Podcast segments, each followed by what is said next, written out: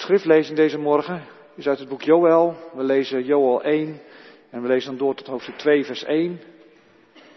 De profeet Joël is vooral bekend van de woorden die Petrus aanhaalt op de eerste Pinksterdag. Ik haal dat ook al aan in mijn gebed. De geest die zal worden uitgestort op alles wat leeft. Maar verder is het Bijbelboek denk ik bij de meesten van ons wat minder bekend. En vanmorgen luisteren we dus naar zo'n wat minder bekend gedeelte. Joel 1 en we lezen door tot hoofdstuk 2, vers 1. Joel 1, vanaf vers 1. Dit zijn de woorden die de Heer richtte tot Joel, de zoon van Petuel. Hoor mij aan, oudste, leen mij alle het oor, inwoners van het land. Is iets als dit ooit geschied in jullie dagen of in de dagen van jullie voorouders? Vertel het aan je kinderen en laten je kinderen het aan hun kinderen vertellen en hun kinderen aan het volgende geslacht. Want de ene sprinkhaan overliet, heeft de tweede afgeknaagd. En wat de tweede nog overliet, heeft de derde afgemaaid. En wat naar de derde overbleef, heeft de vierde kou gevreten. Word wakker, dronkaards en ween. Barst uit in gejammer, drinkers van wijn. Om het sap van de druiven dat jullie ontnomen is. Mijn land is ten prooi aan een volk, een machtig volk zonder tal. Met tanden als van een leeuw. Geweldige kaken als van een leeuwin. Het maakt dode takken van mijn wijnstok en brandhout van mijn vijgenboom. Naakt en kaal zijn ze, omvergehaald. De wijnranken zijn verbleekt. Weeklaag als een jonge bruid die zich hult in het zwart, rouwend om de man van haar jeugd. Waar is nog graan of wijn voor offers in de tempel van de Heer? De priesters, zijn dienaren, treuren. Het veld is verwoest. De dorre grond treurt, want het koren is vernield. De wijn verdroogd, de olie verloren. Toon je verslagenheid, boeren, barst uit in gejammer, wijnbouwers, om de tarwe en om de gerst, want de oogst van het veld is verloren gegaan. De wijnstok is verdroogd, de vijgenboom verdord, granaatappel, dadelpalm en appelboom. Ja, alle bomen zijn verdord. En verdord is ook de vreugde onder de mensen. Priesters, hul je in rouw. Schreeuw het uit, dienaren van het altaar. Breng de nacht door met klagen, dienaren van mijn God. Want offers van graan en wijn zijn Gods tempel ontzegd. Kondig een vaste tijd af en roep op tot een plechtige samenkomst. Verzamel de oudsten en alle inwoners van het land in de tempel van de Heer, jullie God, en roep luid tot de Heer. O angstwekkende dag, nabij is de dag van de Heer, de dag van de ondergang die komt van de onzagwekkende. Is het voedsel niet voor onze ogen vernietigd? Is de vreugdezang niet verstomd in de tempel van onze God? Het zaad rust vergeefs in de verdroogde aarde. De voorraden zijn verwoest. De graanschuren zijn vernield. Verloren is het graan. Hoor hoe het vee loeit. Runderen dolen maar rond, want nergens kunnen ze grazen. Zelfs schapen en geiten worden gestraft. Tot u, Heer, roep ik, nu het groen voor het vee door het vuur is verteerd en een vlam de bomen heeft verzengd. Zelfs de dieren van het veld roepen om u, nu elke waterstroom is opgedroogd en het laatste groen door het vuur is verteerd. Blaas de ramshoorn op de Sion. Blaas alarm op mijn heilige berg. Laat alle inwoners van het land beven van ontzetting. De dag van de Heer komt. Hij is nabij. Dit is het woord van God. Het uitgangspunt voor de verkondiging is dit hele gedeelte. En zoals ik al aan het begin van de dienst aangaf, het thema voor de verkondiging is wat hebben deze dingen ons te zeggen? Gemeente van Jezus Christus, broeders en zusters, jongelui, wat hebben deze dingen ons te zeggen? Nou, welke dingen? In de tijd van Joël is dat een enorme natuurramp, een extreme sprinkhanenplaag met allesomvattende gevolgen. De oogst wordt vernietigd, Dat heeft weer gevolgen voor de voedselvoorziening, voor de economie, voor het sociale leven, maar ook voor het godsdienstige leven. Wat hebben deze dingen ons te zeggen? Nou, voor onze tijd kunnen we dan denken aan die coronapandemie, waarvan de wereld al anderhalf jaar in de ban is. Maar we kunnen ook aan andere dingen denken. Aan oorlog en geweld in Afghanistan, in Syrië, in Jemen, noem maar op. Natuurrampen, een aardbeving op Haiti, bosbranden in Zuid-Europa dichterbij, overstromingen in Limburg, in België en in Duitsland. Misschien gebeuren er in je eigen dingen ook wel leven. Leven ook wel dingen waarvan je zegt, wat moet ik daarmee? En wat heeft dat me te zeggen? Vanmorgen luisteren we met elkaar naar woorden van de profeet Joël. En dan is de vraag, kunnen wij nog iets met die oude woorden? Die oude woorden ook in onze tijd. Maar ik denk het wel. Alleen al vanwege die eerste woorden waar Joël mee begint. Dit zijn de woorden die de Heer richtte tot Joël. Het zijn niet zomaar woorden. Nee, het is het woord van God. God spreekt. laten wij dan luisteren naar wat Hij te zeggen heeft. Want Hij is de levende God, die nog steeds spreekt, ook door die eeuwenoude woorden. En ze bevatten een boodschap voor alle tijden. Ook voor nu. Daarbij is het opvallend dat we niet eens weten wanneer Joel deze woorden gesproken heeft. We vinden helemaal geen tijdsaanduidingen, zoals we dat soms wel bij andere profeten vinden. De geleerden zijn het er ook niet over eens of Joel nou geleefd en gesproken heeft voor de ballingschap of daarna. En ook over wie die profeet Joel was, daar weten we niet zoveel van. Ja, we kennen zijn naam, Joel, en de naam van zijn vader, Petuel. Joel, dat betekent, de Heer is God. De Heer, dat is de God van het verbond die trouw blijft aan zijn beloften. En ook aan zijn bedreigingen. Petuel, dat betekent de eerlijkheid of de oprechtheid van God. Dan zou je kunnen zeggen, die twee namen, die vatten wel min of meer dat boek samen waar het over gaat. De Heer die richt zich in alle oprechtheid, in alle eerlijkheid tot zijn volk. Hij is recht door zee. En hij wil erkend worden als God. Nou, vanmorgen luisteren we met elkaar als Nieuw-Testamentische gemeente naar die woorden van Joël, woorden van God zelf. En laten we dan eens kijken wat wij met deze woorden ook in deze tijd kunnen. Wat hebben de dingen die gebeuren ons te zeggen? En roepen ze ons ergens toe op? Wat betekent dat dan voor onze houding? voor hoe wij in het leven staan. Als je goed naar Joel 1 kijkt, dan valt op dat er twee soorten teksten zijn. Aan de ene kant zijn er beschrijvende teksten. Ze beschrijven de situatie van het land en van het volk. Aan de andere kant zijn er voorschrijvende versen. Er zijn heel veel versen in de gebiedende wijs. Ze schrijven iets voor. Ze roepen ergens toe op. Nou, eerst kijken we nu met elkaar naar die beschrijvende versen. Om te kijken, wat hield nu die sprinkhanenplaag in? En vooral ook, welke gevolgen had nu die sprinkhanenplaag? Nou, ik ga min of meer kriskras door dit gedeelte heen. Je kunt ja, of uw Bijbel erbij houden of op andere manieren het Bijbelgedeelte erbij houden. En dan begin ik eerst dus met die beschrijvende versen, met vers 4. bijvoorbeeld de HSV pak, deze in de Statenvertaling, er worden daar vier verschillende soorten sprinkhanen genoemd. De jonge sprinkhaan, de veldsprinkhaan, de treksprinkhaan en de zwermsprinkhaan. En wat dan de een heeft overgelaten, dat eet de volgende op en zo gaat dat maar door. Zodat er echt niets meer overblijft. Pak je de Statenvertaling erbij, dan wordt daar gesproken over vier verschillende soorten dieren. De rups, de sprinkhaan, de kever en de kruidworm.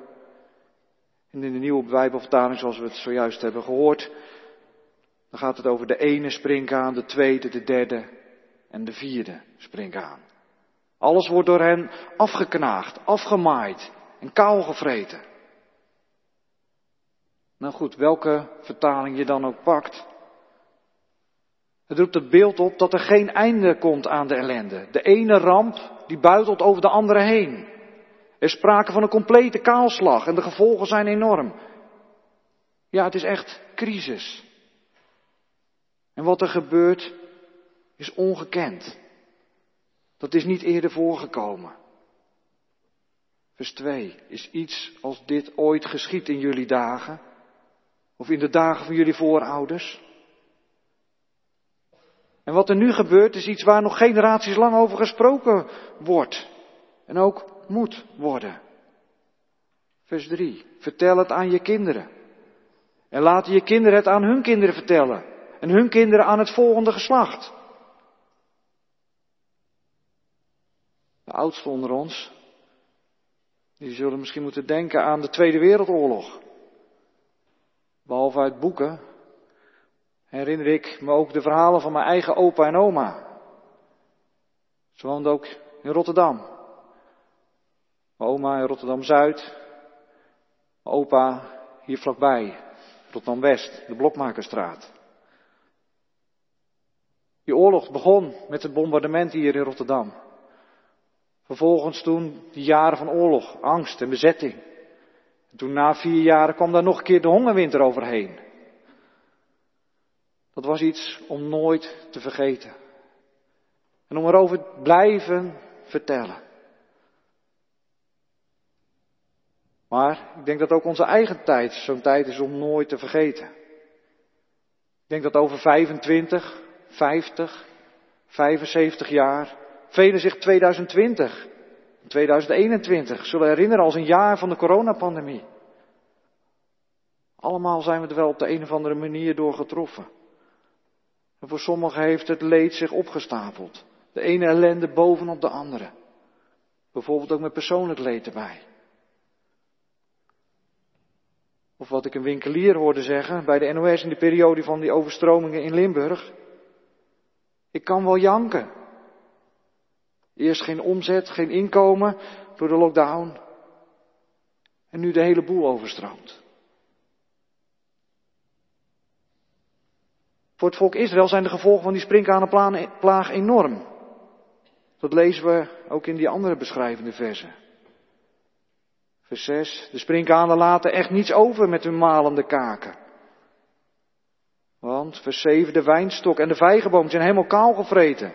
Met huid en haar zou je kunnen zeggen. Zelfs de bruine bast is weggestript. Zodat ze naakt en kaal zijn. Dit geldt dan niet alleen voor de wijnstok en voor de vijgenboom. Maar, vers 12, ook voor de granaatappelboom, de dadelpalm, de appelboom. Ja, voor alle bomen. Dat betekent dus dat de oogst verloren is gegaan. Vers 10. Het koren is vernield, de wijn verdroogd en de olijfolie verloren. Nou, zo'n periode van crisis, dat heeft enorme gevolgen. Toen, maar ook nu. Vijf dingen. Als eerste gevolg van zo'n crisis de eerste levensbehoeften die zijn aangetast. Dat waren toen koren, wijn en olie. Dat grijpt diep in. Als je nauwelijks te eten hebt. En de eindjes maar net aan elkaar kunt knopen. En daarbij is het dan zo dat de wijnstok en de vijgenboom bij Israël staan voor een leven in heelheid en vrede. Zonder wijn en vijgen zijn die heelheid en die vrede ver te zoeken. Gebrokenheid en onrust die voeren dan de boventoon. Als tweede gevolg van die crisis is dat gevolg van die mis ook, dat, ook is dat de economie stilstaat. Er is geen export meer van de opbrengst van het land. En dat raakt je portemonnee. En als je in de portemonnee geraakt wordt, dan doet dat wat met je. En ook met de samenleving. Vervolgens het derde, raakt ook het sociale leven ontregeld. Gezellig een wijntje drinken met elkaar zit er niet meer in. Vers 5, de jonge wijn die is niet meer beschikbaar, het sap van de jonge druiven. Dat bereikt je mond niet meer en het moet zonder. En ook ons sociale leven is veranderd. Het heeft deels stilgelegen. Maar ook nu is die omgang met elkaar nog anders dan het geweest is. En dat trekt zijn sporen in de samenleving maar ook in het kerkelijke leven. Het kerkelijke leven in de vierde plaats Dat godsdienstige leven, dat wordt ook nog op een andere manier geraakt. Bij Israël was er geen graan en wijn meer om de offers te brengen. Vers 13. Dat voedsel was weg uit het huis van God. De eredienst staat stil. Of zoals bij ons, de eredienst werd verplaatst vanuit het huis van God, de kerk, naar achter het scherm. En heeft dat er bij ons ook niet toegeleid, met vers 16, dat de vreugde en de blijdschap zijn weggenomen. Dat de vreugdezang verstomd is. Al die dingen bij elkaar leiden tenslotte in de feitplaats ja, dat ze iets doen met je mentale gezondheid. Velen die kampen met psychische klachten door de lockdowns. Uit cijfers van het CBS blijkt dat in de eerste helft van dit jaar meer jongvolwassenen dan voorheen kampen met psychische problemen. Eén op de vier mensen tussen de 18 en de 25 jaar was in de eerste helft van 2021 psychisch ongezond. Ze voelen zich somber en zenuwachtig en ervaren veel stress. Ja, bij velen is de vreugde weg. En ook onder Israël was dat zo. Vers 12, niet alleen de bomen van het veld zijn verdord, ook de vreugde is verdord. De blijdschap is weg bij de mensen. Er is somberheid, een rouwstemming. Je stelt je trouwerij uit. In plaats van een trouwjuk trek je rouwkleren aan. Vers 8. En de boeren, ze tonen verslagenheid. Wanhoop ligt op de loer. Of je wordt beheerst door angst. Wat is dan onze reactie? Hoe gaan wij met de situatie en de gevolgen om? Willen we dan zo snel mogelijk het oude leven weer oppakken en op de oude voet verder gaan? Of hebben de dingen ons wat anders te zeggen? Voor de reactie die er volgens Joel zou moeten zijn, gaan we naar de voorschrijvende vers in dit tekstgedeelte. Zo'n twintig keer komt er een gebiedende wijs voor in dit gedeelte. Het zijn allerlei verschillende soorten aansporingen. In de eerste plaats valt op dat tot vier keer toe de aansporing wordt gedaan om te weeklagen. De nieuwe Bijbeltaal is dat niet, eh, niet zo heel duidelijk, springt dat er niet uit omdat het steeds op een andere manier vertaald wordt. Maar in vers 8 komt dat woord weeklagen wel terug. Weeklagen, dat is klagen, jammeren, om het leed, de ellende waar je mee te maken hebt. Of zoals het dan ook wel aangeduid wordt in de nieuwe Bijbeltaling, is je barst in gejammer uit. Vers 5 en vers 11. En je schreeuwt dat uit, vers 13. Dan gaat het dus niet zozeer om zelfbeklag, maar je geeft uiting aan de ernst van de situatie. Deze oproep tot weeklagen wordt tot verschillende groepen mensen gericht. In vers 5 tot wijndrinkers, in vers 11 tot boeren of wijnbouwers, vers 13 tot priesters. En in vers 8 lijkt het meer in het algemeen gericht te zijn tot het volk. Nou ja, of je nu tot die wijndrinkende elite behoort, tot de hardwerkende boeren en arbeiders, tot de godsdienstige leiders of tot welke bevolkingsgroep dan ook, ziet die situatie onder ogen. Leven niet aan voorbij. Maar sta eens even stil en laat de ernst van de situatie tot je doordringen. Dat is de eerste oproep van Joël. De tweede soort oproep die hangt hiermee samen. Tot inkeer komen. Ontwaken, nuchter worden, tot de Here roepen en je bekeren. Niet op de oude voet verder gaan. En zodra het weer kan, weer helemaal uit je dak gaan. Dat hebben we gezien in juli. Toen de maatregelen versoepeld werden en de gevolgen hebben we er ook van gezien. Nu was het zo dat het voor het volk Israël direct duidelijk was wat er aan de hand was als het land geen koren, wijn of olie voortbracht. Voor Israël betekent dat dan dat de verbondsvloeken vervuld werden. Het volk had zich dan niet gehouden aan het verbond met God. En in plaats van zegen volgde er dan vloek en die vloek moest het volk tot inkeer brengen. Nou, dat verband tussen zonde, schuld en oordeel, dat ligt voor ons veel ingewikkelder. In de christelijke media is daar wel van alles over geschreven in relatie tot die coronapandemie. Is hier nou sprake van een oordeel van God?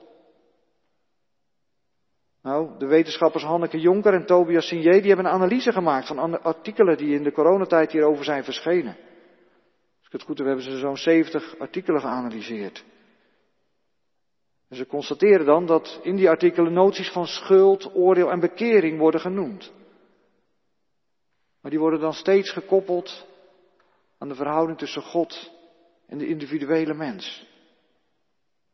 Maar, zo vragen die onderzoekers zich dan af, wat is dan het specifieke van die coronapandemie? Die persoonlijke oproep tot bekering, die was er altijd al, toch?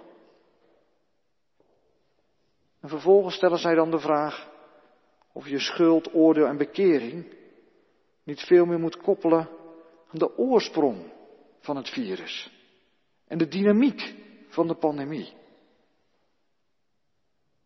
Ik denk dat ze daarbij doelen op knutselen in laboratoria, het eten van exotische dieren, de globalisering waardoor het virus zich in no time over de hele wereld heeft kunnen verspreiden.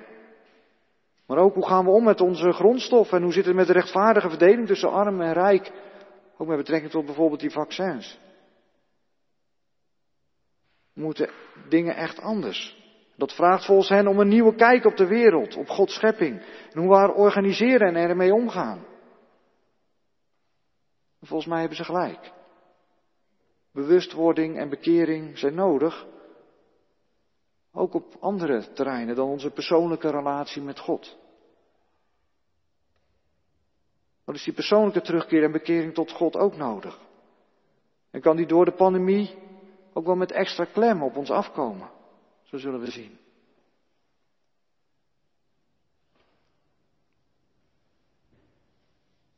Het laatste deel van de preek ga ik vooral in op nog twee oproepen van de profeet Joël. Eerst op de oproep om het de komende generatie te vertellen wat er gebeurd is. En aan het eind dan om de bazuin of de ramshoorn te blazen, omdat dat de dag van de Heer dichtbij is. Eerst dus over die oproep om het door te geven aan de volgende generaties. Maar wat geven wij dan door aan de volgende generatie? Wat geven wij door over de dingen die gebeuren? Wat is onze boodschap aan hen? Anderhalve maand geleden hoorde ik een lezing van professor Beatrice de Graaf. Christen, historicus, een expert op het gebied van terrorismebestrijding. Net als ik is zij geboren in 1976. periode van onze jeugd tot ongeveer het jaar 2000 leek een periode van een en al vooruitgang. Alles leek steeds beter te worden. Ik kan me nog herinneren, toen ik op de basisschool zat, dat de spanning in de lucht hing. De spanning van de Koude Oorlog. Spanning tussen het oosten en het westen. Wanneer zouden de Russen komen? Of zouden de atoomwapens afgeschoten gaan worden? Maar toen kwam in 1989 de val van de muur die scheiding maakte tussen Oost- en West-Berlijn. Een symbool voor die tegenstelling tussen Oost en West. Ja, de val van die muur, dat betekende openheid, vrede, vrijheid. En toen volgden de jaren negentig. En in de jaren negentig was er sprake van een enorme financiële vooruitgang. De beurzen liepen sterk omhoog en de sky was de limit. Een en al vooruitgang. En dat bepaalt voor een aanzienlijk deel je kijk op de wereld. Een positieve kijk op de wereld. En een positieve kijk ook op de toekomst. Beatrice de Graaf die schetste ook dat het wereldbeeld voor onze jongeren die geboren zijn rond of na het jaar 2000 heel anders is. Hun jeugd wordt gestempeld door heel andere gebeurtenissen. Ruim een maand geleden was het 9-11. Twintig jaar geleden vlogen twee vliegtuigen tegen de Twin Towers in New York. Dat was het begin van de War on Terror. Een strijd tegen terrorisme. In 2007, 2008. Toen volgde de financiële crisis. Islamitische staat en kalifaat kwamen op. Het klimaat zat onder druk. En daar kwam dan ook nog de coronapandemie bij. Dat geeft onze jongeren een heel andere kijk op de wereld en op de toekomst. Veel negatiever. Geen vooruitgang, maar neergang. Dat roept bij onze jongeren gevoelens op van angst en onveiligheid. Een onderzoek door Beatrice de Graaf heeft uitgewezen dat jongeren een groter gevoel van angst en onzekerheid hebben dan ouderen. Ik moet zeggen, voor mij was dit wel een eye-opener. Dat heel andere perspectief op de wereld en op de toekomst. Ik denk dat het goed is om ook als christelijke gemeente te beseffen dat velen, vooral jongeren, met gevoelens van angst en van onveiligheid leven. En wat is dan ons antwoord? Wat geven we dan hen, vooral onze jongeren, mee? Buiten de kerk worden er ook antwoorden gegeven. Dat zijn vaak antwoorden als het gaat om onveiligheid, dat er hard moet worden opgetreden, of dat de oplossing moet worden gezocht in techniek, allerlei technische middelen. Maar ik denk dat die uiteindelijk geen antwoorden zijn op angst en onveiligheid. Maar wat is dan wel ons antwoord? Het antwoord van ons als christelijke gemeente. Dat antwoord is hoop. Goddelijke hoop. Bijbelse hoop. Dat is dan niet zoiets als laten we het maar hopen, als iets onzekers. Nee, dat is geen holle hoop. Het is gevulde hoop. Het is inhoudsvolle verwachting. Het is hoop, verwachting, gevuld met de belofte van God. Gevuld met God zelf. Met Jezus en zijn volbrachte werk. Met zijn sterven en zijn opstanding.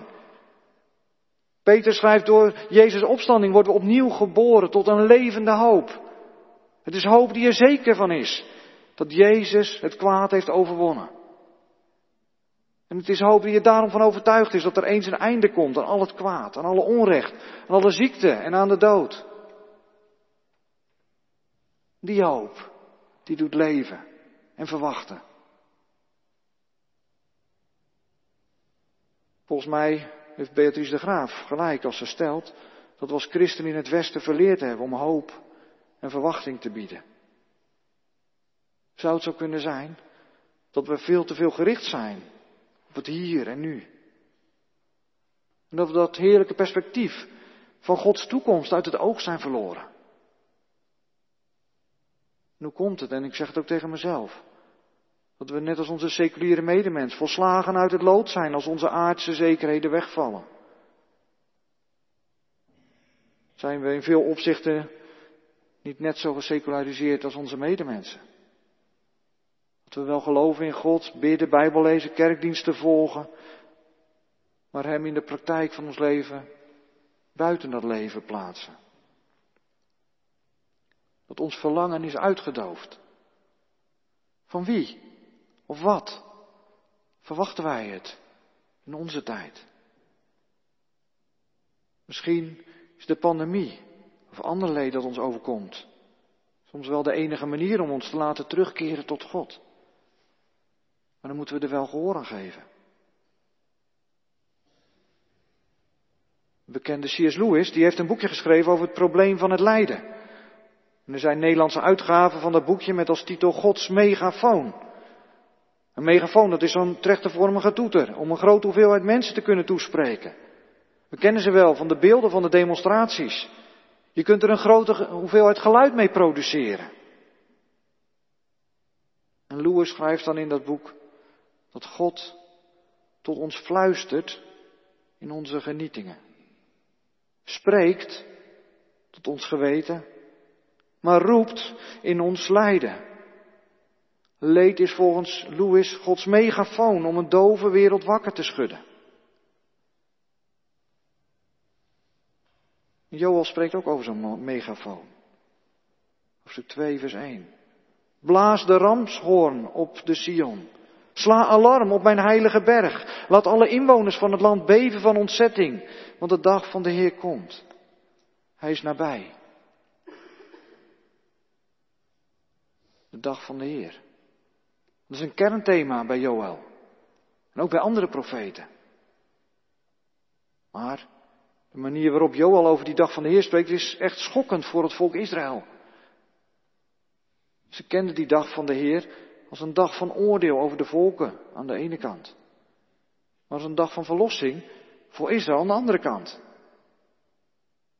Maar hier wordt die dag voor Israël ook aangekondigd als een dag van ontzetting en verwoesting. We zien dat ook al in hoofdstuk 1, vers 15. O angstwekkende dag, nabij is de dag van de Heer. De dag van ondergang, die komt van de ontzagwekkende. Ook voor Israël zal het niet goed aflopen als het op deze voet verder gaat. Sterker nog, wat er nu gebeurt met die sprinkhanenplaag, dat is al een oordeel van God. Maar het is een voorbode van iets dat veel ontzagwekkender is, die dag van de Heer. De sprinkhanenplaag als oordeel van God, die valt in het niet. Bij het oordeel op de dag van de Heer. Nou, dat is aangrijpend. Gered worden is geen automatisme. Dat doet denken aan die sprinkhanenplaag in Egypte. Dat was de achtste plaag. En daarna volgde dan nog die negende en de tiende plaag. Bij die tiende plaag werden alle eerstgeborenen gedood. Behalve als er bloed zat aan de deurposten. Dan ging die engel van het oordeel dichtbij, voorbij. Achter het bloed van het geslachte lam. Daar was je veilig. En ook nu. Ben je alleen veilig als je schuilt achter dat bloed van Jezus Christus. Zoek dan ook steeds weer je toevlucht bij Hem. Hier bij die aankondiging van de dag van de Heer, daar stopt onze schriftlezing. Maar toch ga ik nog even door. Want het boek Joel gaat verder. Het volk roept tot God. En het bekeert zich. En dan volgt er een ommekeer. Hoofdstuk 2, vers 18. Dan zal de Heer het opnemen voor zijn land en zich ontfermen over zijn volk. De Heer, ja, die neemt het weer op voor zijn volk en hij geeft belofte van bevrijding en van overvloed. Er zal weer vreugde en weer blijdschap zijn. De Heer zal terugkeren naar zijn volk en hij zal bij hen wonen. Want de Heer die woont op de Sion. Zo eindigt het boek Joël. Ten slotte nog één keer die vraag. Wat hebben deze dingen ons te zeggen? Er is hoop. het begin van de dienst horen we het al. Wanneer dit alles staat te gebeuren, richt je dan op en hef je hoofd, want jullie verlossing is nabij. Met rijkhalsend verlangen zien we uit naar de nieuwe morgen. Net als wachters, bewakers, s'nachts, ze de wacht houden.